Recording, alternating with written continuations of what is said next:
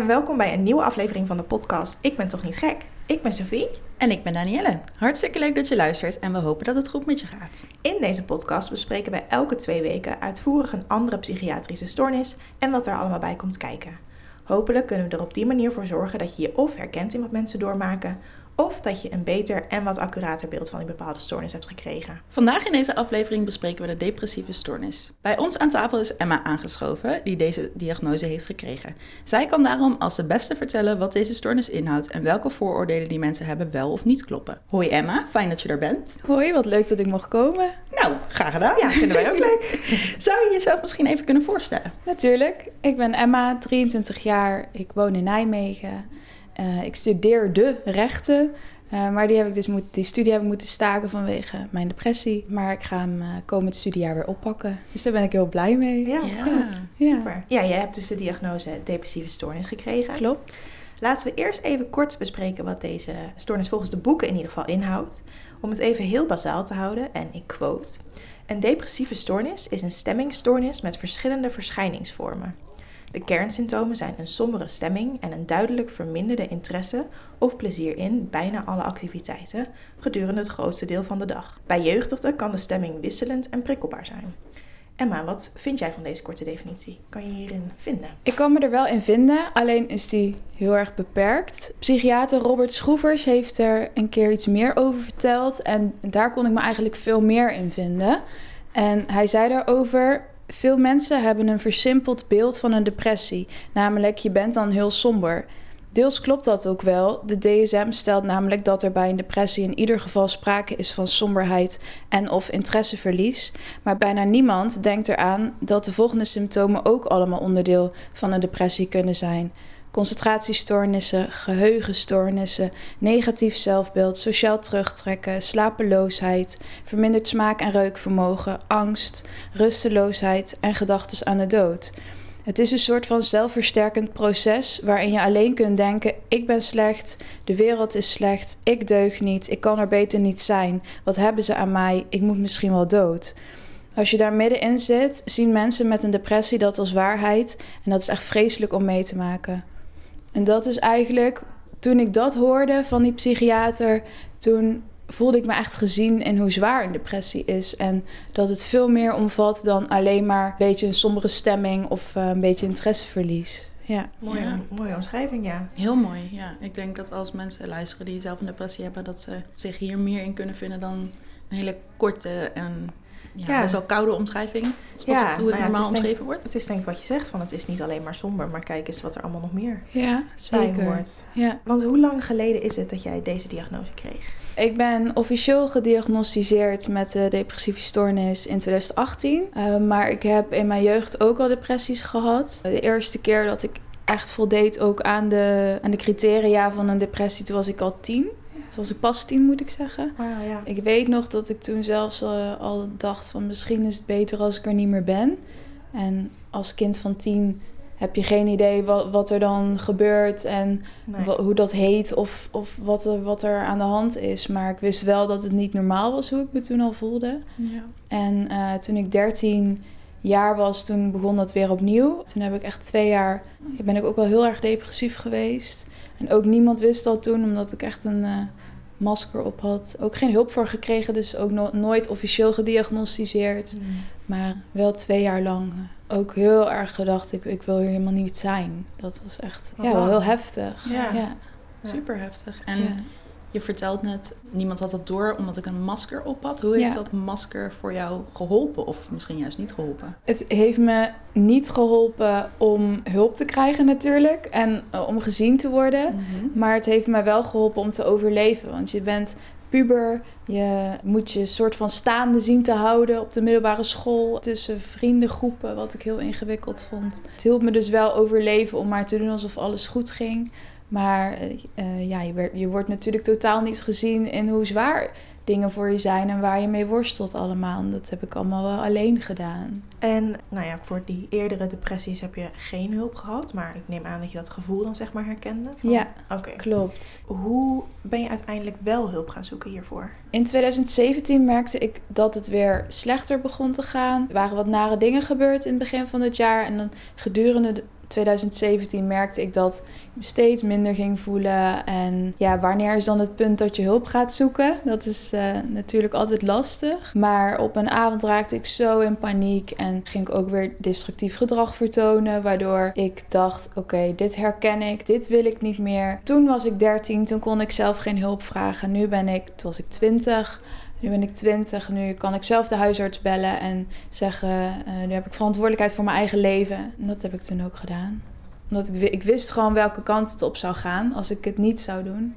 Uiteindelijk is het alsnog die kant op gegaan. Maar, maar ik wist, ja, ik herkende het gewoon heel erg. Je vertelt net, uh, ik herkende dat gevoel heel erg van voorgaande keren. En toen heb je er geen hulp voor uh, kunnen vragen nu wel. Maar alsnog is het, is het die kant op gegaan. Kan je vertellen hoe dat er voor jou uitzag? Um, ja, ik uh, ben begin 2018 bij de huisarts geweest. En uh, die heeft mij toen doorgestuurd naar een psycholoog. En ik begon bij die psycholoog in maart 2018. En ik dacht toen nog, ik ga dit tegen niemand vertellen. Want ik ga nu gewoon in therapie.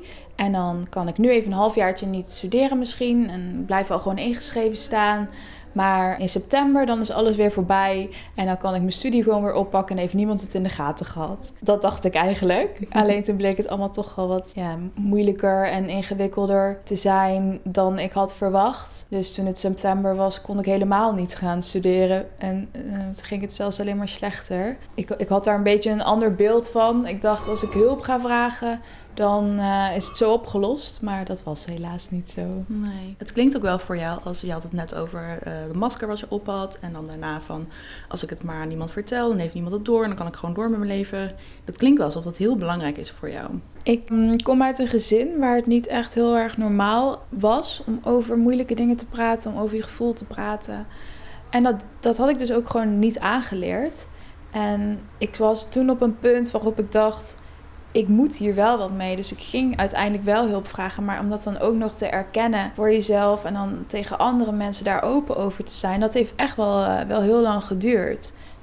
Uiteindelijk kon ik niet anders meer. Het ging zo slecht en ik uh, was gewoon een ander persoon geworden. Ik was er altijd bij de voetbaltraining bijvoorbeeld. Ik was er altijd, ik sloeg nooit over. Ik ging het liefst twee keer per week trainen. En toen ging ik niet meer trainen of maar enkel een keer. Dat viel mijn teamgenoten ook wel op. Alleen zei ik druk als met mijn studie en dat gelooft ook iedereen. Alleen toen kreeg ik op een gegeven moment paniekaanvallen in de wedstrijd, in de voetbalwedstrijd. En toen zei mijn teamgenoten ook ja. En mijn trainer zei tegen me: Emma, ik weet niet wat er aan de hand is, maar dit is niet meer normaal. En toen kon ik niet meer anders dan open zijn. En ook met mijn studie, ik moest gaan zeggen: ik kan niet meer studeren. Uh, de, een psycholoog heeft mij toen ook gezegd: ah, maar je moet nu gaan stoppen met werken. Want dat deed ik ook nog allemaal. Uh, je moet nu gaan stoppen met werken, want anders heb je ook nog een burn-out erbij. En mijn vader was mijn baas. Is mijn baas nog steeds uh, op het werk. Dus toen moest ik het ook tegen mijn vader gaan vertellen. Dus zo is het een beetje dat balletje gaan rollen met toch te... Ik kon niet anders meer dan het te vertellen. Maar ik kom dus uit een gezin waarin dat niet, ja, niet echt normaal is. Een omgeving, klein dorpje. Ja, is het allemaal ja. niet normaal om de vuile was buiten te hangen. Ja. ja. En hoe was, uh, hoe was de reactie van je omgeving toen je het uiteindelijk wel vertelde? Ja, goede vraag. ik vertelde het wel, maar eigenlijk ook niet. Ik vertelde wel dan dat ik in therapie ging, maar niemand mocht daar wat van af weten verder. Ik vertelde wel, het gaat niet goed. Maar ik vertelde dat met een lach op mijn gezicht. Ik kon alsnog niet laten zien hoe het echt ging. Dus ze wisten het wel, maar eigenlijk wisten ze, hadden ze geen idee. Mm. Niemand had een idee, behalve mijn huisgenoten. Want die zagen het letterlijk. Ja. En zij zijn echt, denk ik, degene die het als enige echt hebben meegekregen hoe heftig dat was. Want hoe zag dat eruit, zeg maar, zo heftig? Ik kwam ook bijna niet meer buiten. Ik had de deur altijd dicht van mijn kamer. Ik at niet meer of slecht. Of ik, had, ik zag er gewoon heel somber uit. En ik maakte me nooit meer op. Ik verzorgde mezelf. Ja, ik, ik deed wel gewoon de. Ik verzorgde mezelf wel, maar niet leuke kleren aantrekken of zo. Dat deed ik niet meer. Vooral heel erg afgesloten leven. Als ik naar de wc moest bijvoorbeeld in de gang, dan ging ik kijken of dat mijn huisgenoten niet op de gang waren, zodat ik ze niet, geen hoi hoefde te zeggen. Dat ik, uh, ik ontweek alles en iedereen eigenlijk waar mogelijk was. Mm. En echt alleen maar op mijn kamer zitten in mijn eentje. Ja. En hoe lang heeft die periode geduurd? Nou, het begon dus in 2018. Ja, 2017 begon het en in 2018 werd het echt wel wat heftiger allemaal. Het verschilde natuurlijk ook hoe de dag, dag eruit zag of dat ik therapie had of niet. Want op een gegeven moment ging ik in therapie en ook dagbehandelingen gedaan. En dan was ik weg van huis. Maar de dagen dat ik dan wel thuis was, duurde dat, dan was dat zoals ik net omschreef. Dat is echt pas veranderd in 2020, dus vorig jaar is dat echt pas, uh, pas echt veranderd. Dat ik niet meer, ik kan nu niet meer zeggen dat ik depressief ben. Jee.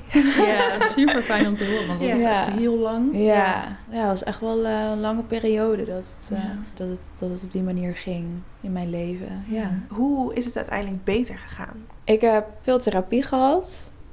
Uiteindelijk, toen ik bij de gespecialiseerde GGZ terecht kwam, wat nog best een route was, want ik ging natuurlijk naar een basispsycholoog in eerste instantie. Die had al heel snel in de gaten, dit is te complex, ik ga je doorsturen. Nou, toen duurde dat uiteindelijk te lang. Toen raakte ik in crisis, kwam bij de crisisdienst terecht. Die crisisdienst nam mij helemaal niet serieus. Die zei tegen mij, ja, je zit toch echt op in je stoel, je lacht toch, je, nog, je ziet er toch verzorgd uit. Ik zie geen depressie, zei de psychiater. prikte er helemaal niet doorheen. Nee, Nee. Wat nee. je juist nodig had, volgens mij. Ja, en die stuurde me dus weer naar de basis GGZ. Die had ik weer een paar gesprekken. Zij zei meteen weer, nou, het is te complex voor, Ja. voor de basis GGZ. Ja. Ik stuur je weer door. Nou, weer wachtlijsten, weer crisis. Dus zo bleef dat een beetje in stand. Toen ik dus uiteindelijk wel bij de gespecialiseerde GGZ terecht kwam, toen zeiden ze al: we weten niet of dat het. We zien eigenlijk twee dingen. We zien een stemmingstoornis en een persoonlijkheidsstoornis. Maar we weten niet zo goed wat eerst komt. Dus we weten ook niet zo goed wat we als eerst moeten behandelen. En de depressie lag er zo dik bovenop dat ze toen hebben gekozen om de depressie eerst te behandelen. Maar die behandeling sloeg helemaal niet aan. En toen eh, ben ik dus naar het andere team, team persoonlijkheid gegaan. En toen heb ik daarvoor therapie gehad. En dat is uiteindelijk dus hetgeen geweest wat mij heeft geholpen. Wel een lange opname geweest, van tien maanden uiteindelijk. Weet je. Ja, niet, geen crisisopname, dus een behandelopname. En dan was ik daar van zondagavond tot donderdagmiddag. Therapie volgen en dan sliep ik dus ook. En dat was voor mij ook nodig om geen masker op te kunnen zetten. Want bij de dagbehandelingen, dan ging ik, was ik daar van tien tot vier. En dan ging ik naar huis. En dan was het thuis helemaal drama. En eh, daar kon ik gewoon mijn masker nog ophouden. Maar als je daar vier dagen lang dag en nacht bent, dan kan dat niet. Want mensen gaan zien hoe jij je echt voelt. En dat was uite- uiteindelijk wat ik nodig had. Nou, Een pittige behandeling. Tien Ja, maanden. zeker. Ja, maar ik dacht ook echt, het maakt niet uit wat ik moet doen als het maar helpt. Ja. En ja, dat heeft het uiteindelijk wel gedaan. Dus dan is het wel echt dubbel en dwars waard. Ik had ook geen keus. Mensen zeiden wel van wat een knappe beslissing dat je dat aangaat. En ik denk, ja, ik heb geen keus. Want het is dit of, eh, ja, of dood. Want dit hou ik niet meer vol. Ja. Jeetje, super heftig. Ja, laten we dan doorgaan naar de grote misvattingen en vooroordelen die er over depressie bestaan. Wij denken dat een van de grootste vooroordelen zou zijn dat je hele dagen in bed ligt en over het algemeen te passief bent om hier iets aan te veranderen. Hoe zit dit nou echt? Ik vind het wel grappig. Ja, grappig is misschien niet het goede woord, maar typisch dat je, dat je dit voorbeeld noemt. Want dat is inderdaad het beeld dat heel veel mensen erbij hebben. En dat klopt ook wel. Zit ook even waarheid in. er zit zeker een kern van waarheid in. Want als ik naar mezelf kijk, ik lag echt veel op bed. Dan sleepte ik mezelf van mijn bed naar de bank en dat was het dan ook. Maar dat was dan bijvoorbeeld van maandag tot vrijdag lag ik heel veel in bed en op de bank. En dan echt met een deken over mijn hoofd en alles was te veel. En ja, echt, echt helemaal vastzitten daarin. Maar als ik dan op vrijdagavond of op zaterdagavond een feestje had of een verjaardag of iets van, van de voetbalvereniging of vrienden, dan raapte ik al moed bij elkaar en dan eh, maakte ik mezelf weer een keer op en dan deed ik leuke kleren aan en dan zette ik mijn masker op en dan zag niemand meer wat aan mij. En ik denk dat dat heel lastig is, want mensen hebben het beeld, iemand is depressief en die ligt in bed en dat was ook zo, maar daar is niemand bij. Niemand ziet dat. Alleen mijn huisgenoten wisten dat dus, want die zagen dus dat mijn deur dicht was. Maar verder rest, je ziet zo weinig van iemand. eh, dat ik van maandag tot vrijdag in bed lag, dat, daar is niemand bij. Maar zaterdag, dat, dat feestje twee uurtjes of drie uurtjes dat ik er dan was. Nou, dan dachten ze, nou, er is helemaal niks aan de hand. Want ze liggen niet in bed. Maar alles wat daarvoor en daarna gebeurt, dat ziet niemand. Ja. Ik kan me voorstellen dat het ook heel alleen voelt. Ja, en ook heel veel onbegrip. Want Mhm. heel veel mensen vullen dat dan in. Oh, je bent er, dus het gaat goed. Maar dat is helemaal niet zo. Ik wil zeggen, het is soms ook wat mensen willen zien. Omdat mensen niet weten wat ze moeten doen met iemand die depressief is. En dan zien ze, oh, maar ze is nu op het feestje, dus ik hoef niks te doen. Fijn, Ja. ik kan lekker ontspannen. Dus het is misschien ook een stukje dat, dat ze zien wat ze willen zien. Ja, en ook vragen. Ik was best wel open over. Ik, ja, dat was ik dus geworden. Ik was open geworden over hoe het met me ging. Maar dan nog, je zag het niet aan mij. Dus ik kon vertellen dat ik heel suicidaal was. Want dat was ook echt een groot gedeelte van mijn, eh, van mijn depressie. Dat ik heel veel last had van eh suicidale gedachten, suicidaliteit. Maar als, ik dat, als iemand dat vertelt met een lach op haar gezicht... of dat je mijn voorkomen kwam niet overeen met hoe ik me van binnen voelde... dus de heftigheid van de boodschappen kwamen ook niet aan. En daardoor konden we het daar gewoon over hebben... eh, zonder dat ik in tranen zat of eh, dat iemand echt voelde wat het, wat het voor mij betekende. Wat jij zegt over mensen namen me niet echt serieus, omdat ik alles vertelde met een glimlach. Dat herken ik ook wel heel erg. Ik weet nog één keer, toen, eh, nou ja, toen ging het ook gewoon heel erg slecht. En toen had ik een afspraak met een psychiater voor iets van medicatie. Ik wilde iets dat ik in ieder geval kon slapen, geen nachtmerries meer zou hebben, of geen paniek meer zou hebben. Eh, en toen werd me dus soort van voorgeschreven van oké, dan gaan we kijken naar antidepressiva. Eh, maar het moment dat ik daar zat, vertelde ik ja, gaat echt slecht. Hihi. Ja, ja dat is Ik wil glimlach. Ja. Ja. ik wil er niet meer zijn. Ik zie het allemaal niet meer zitten. En dat was ook echt heel, eh, ja, heel duister gewoon. Maar omdat ik het niet kon overbrengen. Ja, Het waren, inderdaad wat jij zegt, het waren alleen woorden. ja. Maar het mensen kregen niet het gevoel van hoe slecht het ging. En toen zei ze, ja, ik vind jou niet depressief. Dus ja, ik echt geen medicatie. dat is echt hetgene wat mij het meest in de weg heeft gestaan in al die jaren therapie. Ja. Dat ik niet eh, kon overbrengen hoe het met mij ging. Ja. Dat eh, heeft ook mij ook echt het meeste moeite gekost om daar aan te werken. En het is heel logisch dat ik dat niet kon. Want toen ik in mijn jeugd zo depressief was, toen was mijn overlevingsstrategie juist om te doen alsof het heel goed ging, want dat moest. Maar dat heeft er dus voor gezorgd dat ik het nu op latere leeftijd niet meer kon. Ik, dat, Ja. dat overlevingsmechanisme was zo sterk geworden en ik wilde hem helemaal niet meer.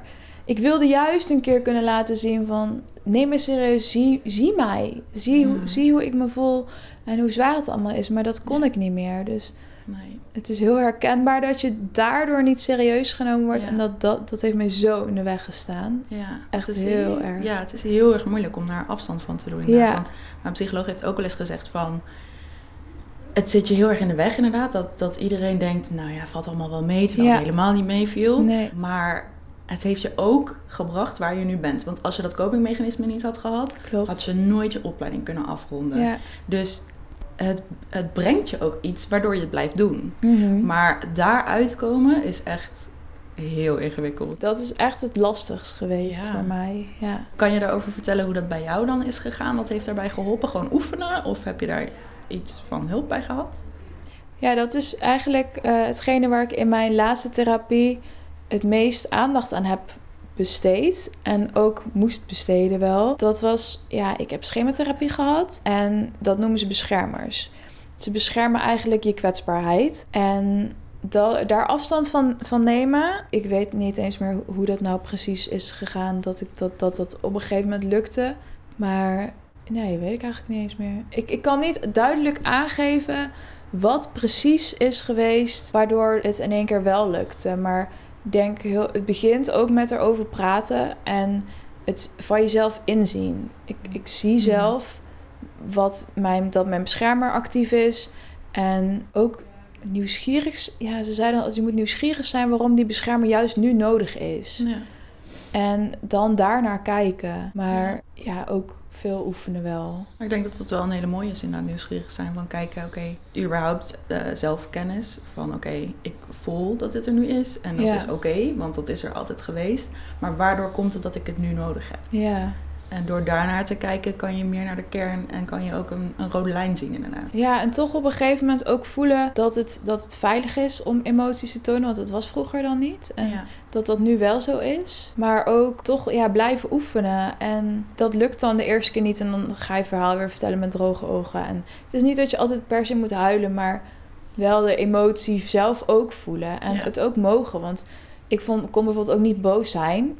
En toch ook jezelf toestaan om boos te zijn. En ook om de hele tijd te horen van therapeuten en van je omgeving. Je mag hier best boos over zijn. Uh, en je emoties zijn oké en ze zijn echt. En wat jij voelt is echt. En dat mag er zijn. Ja. Nou horen wij ook wel eens, iedereen voelt zich wel eens depressief. Dat hoort er nou eenmaal bij. Hoe zou jij het verschil kunnen beschrijven tussen somberheid en jouw depressieve stoornis? Dat vind ik best lastig om uit te leggen, omdat het echt een gevoel is. Ik heb zelf dus al best wel jong depressies ervaren. En ik weet nog heel goed toen mijn ouders op een gegeven moment uit elkaar gingen. Ik was heel verdrietig.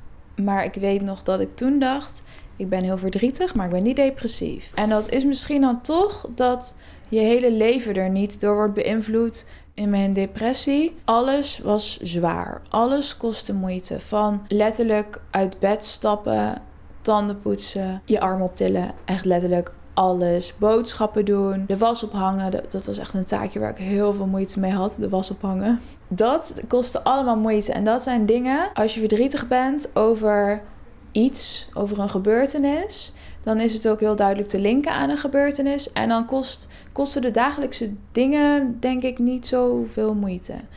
Ik denk niet toen ik mijn ouders uit elkaar gingen dat ik moeite had met de was ophangen. Wat doet het met jou als mensen zeggen, ja, iedereen is toch somber?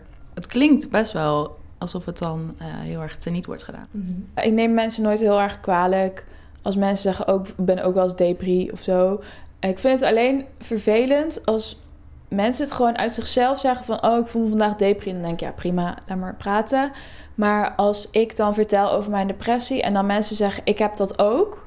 dan denk ik, nee, je hebt het niet. Ja, precies. dat... Dan, voel, dan kan ik me wel eens niet serieus genomen voelen. En hoe heftig het echt is als je echt een depressie hebt. Maar als mensen gewoon zo een beetje terloop zeggen... oh, ik voel me vandaag echt depri... dan, dan, doet, het me niet, dan doet het me niet zoveel. Dan denk ik, ja, dan is het gewoon spraakgebruik. Ja, precies. Een ander woord voor. Een ander woord Mhm. voor. Taal. ik, ik voel me vandaag even, ik zit vandaag even niet zo lekker in mijn vel. Maar Ja. dat, dat vind ik dat dan, dat maakt me niet zoveel uit. Maar als mensen denken te hebben meegemaakt wat ik heb meegemaakt. ehm, Dan hebben ze ook niet geluisterd naar wat je Hm. vertelt. Ah, Nee, misschien, ja. nou, ook, misschien zeg, zeg ik het dan ook wel niet. Want ik ga natuurlijk niet tegen iedereen de heftigheid Mhm. van alles vertellen. Maar ja, nou, dan, dan denk ik ook, ja, laat maar. Heb jij zelf nog voorbeelden van vooroordelen die bestaan over depressie? Ik denk dat een heel groot. Ja, of dat het echt een vooroordeel is, dat weet ik niet. Maar wat heel veel mensen denken te kunnen zien hoe het met iemand gaat. Dat vind ik toch wel heel bijzonder blijven. Mensen denken aan de buitenkant te kunnen zien hoe het met iemand van binnen gaat. En daar heb ik dus heel veel last van gehad. Van, maar echt iedereen. Van of dat het nou een psychiater is of een groepsgenootje in therapie. Daar heb ik echt, dat is echt een vooroordeel als mensen mij zagen.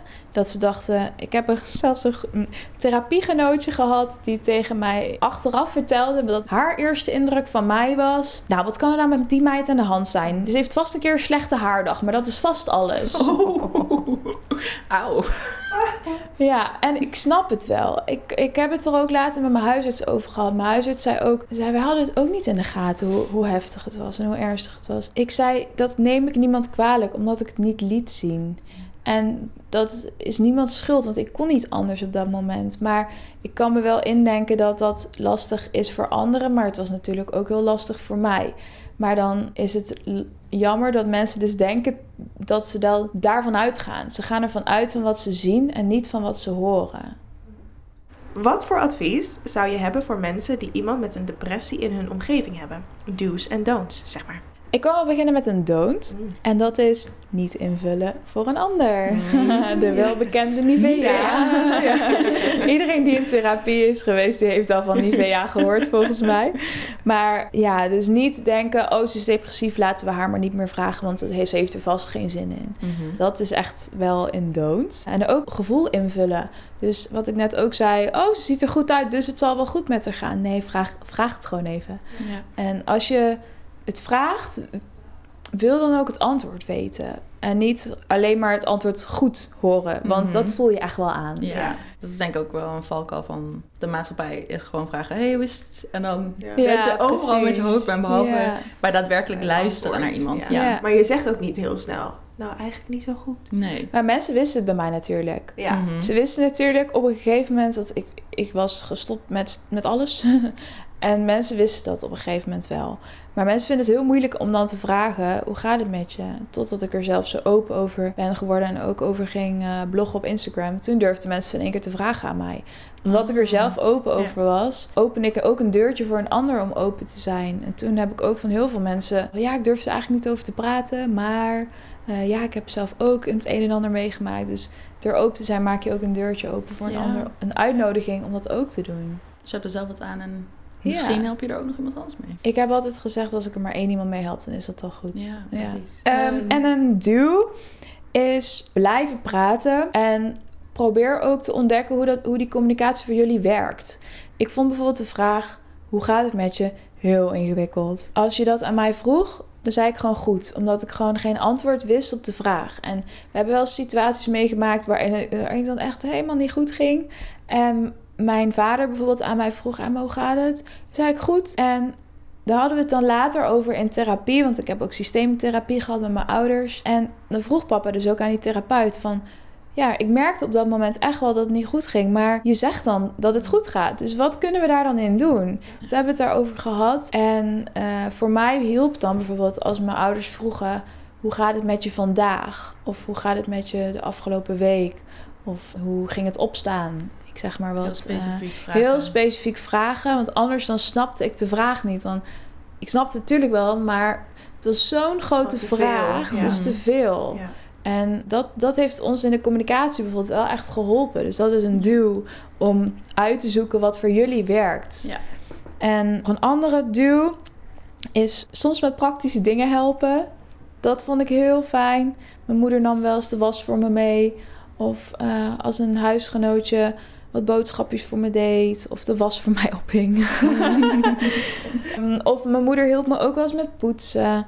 Dat soort praktische hulp. Want dat waren echt dingen waar ik zo erg tegen op kon zien. En als iemand dan bij dat soort praktische dingen hielp, dat vond ik heel erg fijn. En ook mijn huisgenoten zeiden ook wel eens tegen mij... Emma, vanavond eten we samen. Ik doe de boodschappen, ik kook. Maar ik kom bij je op de kamer eten of dat je het nou wil of niet. Ah, ja. Dat vond ik echt heel lief. En. Dan had ik ook geen energie meer om er tegenin te gaan. Dacht, oké, is goed. En dat vond ik, dat is echt heel waardevol geweest. Achteraf gezien. Omdat het dan toch even het contact had met een ander. Toch even een gesprek aangaan. En dan hoefde ik daar zelf niks voor te doen. Ja, dat is echt heel mooi. En mijn moeder heeft dat soort dingen ook veel voor mij gedaan toen. Die nam mij gewoon mee naar een cafeetje. Zette mij in de auto. En dan eh, gingen we koffie drinken ergens. En dat ik toch even buiten kwam. Eh, even de deur uitgaan, even in een andere omgeving. Ja, dat, dat soort dingen. Echt iemand ergens mee naartoe nemen. Even weg van alles. En toch wat gezelschap bieden. Waar je helemaal niet op zit te wachten. Maar dan het gewoon echt doen. Wat zou je dan ook... Want ik kan me voorstellen dat het best wel lastig is voor iemand om te zeggen... Ik ga gewoon tegen Emma zeggen... hey, ik ga boodschappen doen en we gaan samen eten en ik kom mee op je kamer. Dat is best wel gedurfd. Klopt. Heb jij daarin gecommuniceerd van... want ik wil graag dat je dat wil of hoe ging dat? Nee, zij voelde denk ik gewoon aan dat zij dat kon doen. Precies. Zij voelde denk ik gewoon aan dat zij ook in de positie zat dat ons contact zo was dat zij dat kon doen. En eh, mijn moeder was er natuurlijk ook wel, eh, wel anders. Ja, Ehm, precies. dat is mijn moeder. Ja. is mijn moeder. Ik denk dat je dat zelf wel kan aanvoelen of dat jij in die positie zit of niet. En dat je kan denk ik beter iets voorstellen en zeggen... hé, hey, dit is wat we gaan doen. En als iemand dan er echt niet mee eens is... Precies. kan je altijd zeggen... oké, sorry dat ik dat heb gedaan... maar ik kom vanuit dit motief. Ik wil gewoon iets voor je kunnen doen. Ja, ja stel, stel dan ook iets concreets voor. Ja. Want ja, eh, bel me als het, niet ga- als het niet goed gaat. Ja, dat soort dingen, daar heb je niet zoveel aan. Nee. Want dat doe je toch niet. Tenminste, ik deed het niet. Nee. Maar als iemand dan zei van... Zullen wij dan koffie gaan drinken samen? Dan zei ik, ja, is goed. Mhm. Echt een concreet voorstel. En ook durf het initiatief daarin te pakken. Ja, hele mooie tip, denk ik. Zeker. En stel nou dat je iedereen die een depressie heeft nu zou kunnen toespreken. Wat zou je dan tegen hem willen zeggen? Blijf praten. En uh, spreek echt uit hoe, hoe je je voelt. Je hoeft dat niet mooi in te pakken, want een depressie is nou eenmaal niet zo mooi. Maar je kan pas echt geholpen worden als je echt het achterste van je tong laat zien. Een groepsgenootje van mij zei: om gezien te worden moet je jezelf laten zien. En dat is wel echt iets wat ik heb geleerd en waar je daarmee kom je vooruit. En als je alles mooi blijft inpakken en met een glimlach blijft vertellen, dan kun je niet echt geholpen worden. En ik denk dat dat wel, uh, wel een mooie tip is voor iedereen. Emma, hartstikke bedankt voor je aanwezigheid vandaag. Heel leuk dat ik hier aanwezig mocht zijn. Dankjewel. Ja. Nou, dat vonden wij ook. We hebben, vonden het superleuk en we hebben heel veel van je geleerd. Dus bedankt voor je aanwezigheid. Ja, absoluut. Goed, dit was het dan alweer voor vandaag. We hopen dat je het leuk vond om naar te luisteren en dat je misschien al een heel ander beeld bij de depressieve stoornis hebt dan aan het begin van deze aflevering. Ja, mocht dat nou het geval zijn of wil je meer weten over het verhaal van Emma, volg haar dan op Instagram via Emma's True Selfie. Dit account zullen we ook linken onder de aflevering. En als je dan toch bezig bent, laat ons dan ook even weten wat je van deze aflevering vond via ons Instagram account Ik ben toch niet gek of mail ons via ik ben toch niet gek podcast at gmail.com. Dankjewel voor het luisteren en hopelijk tot de volgende aflevering.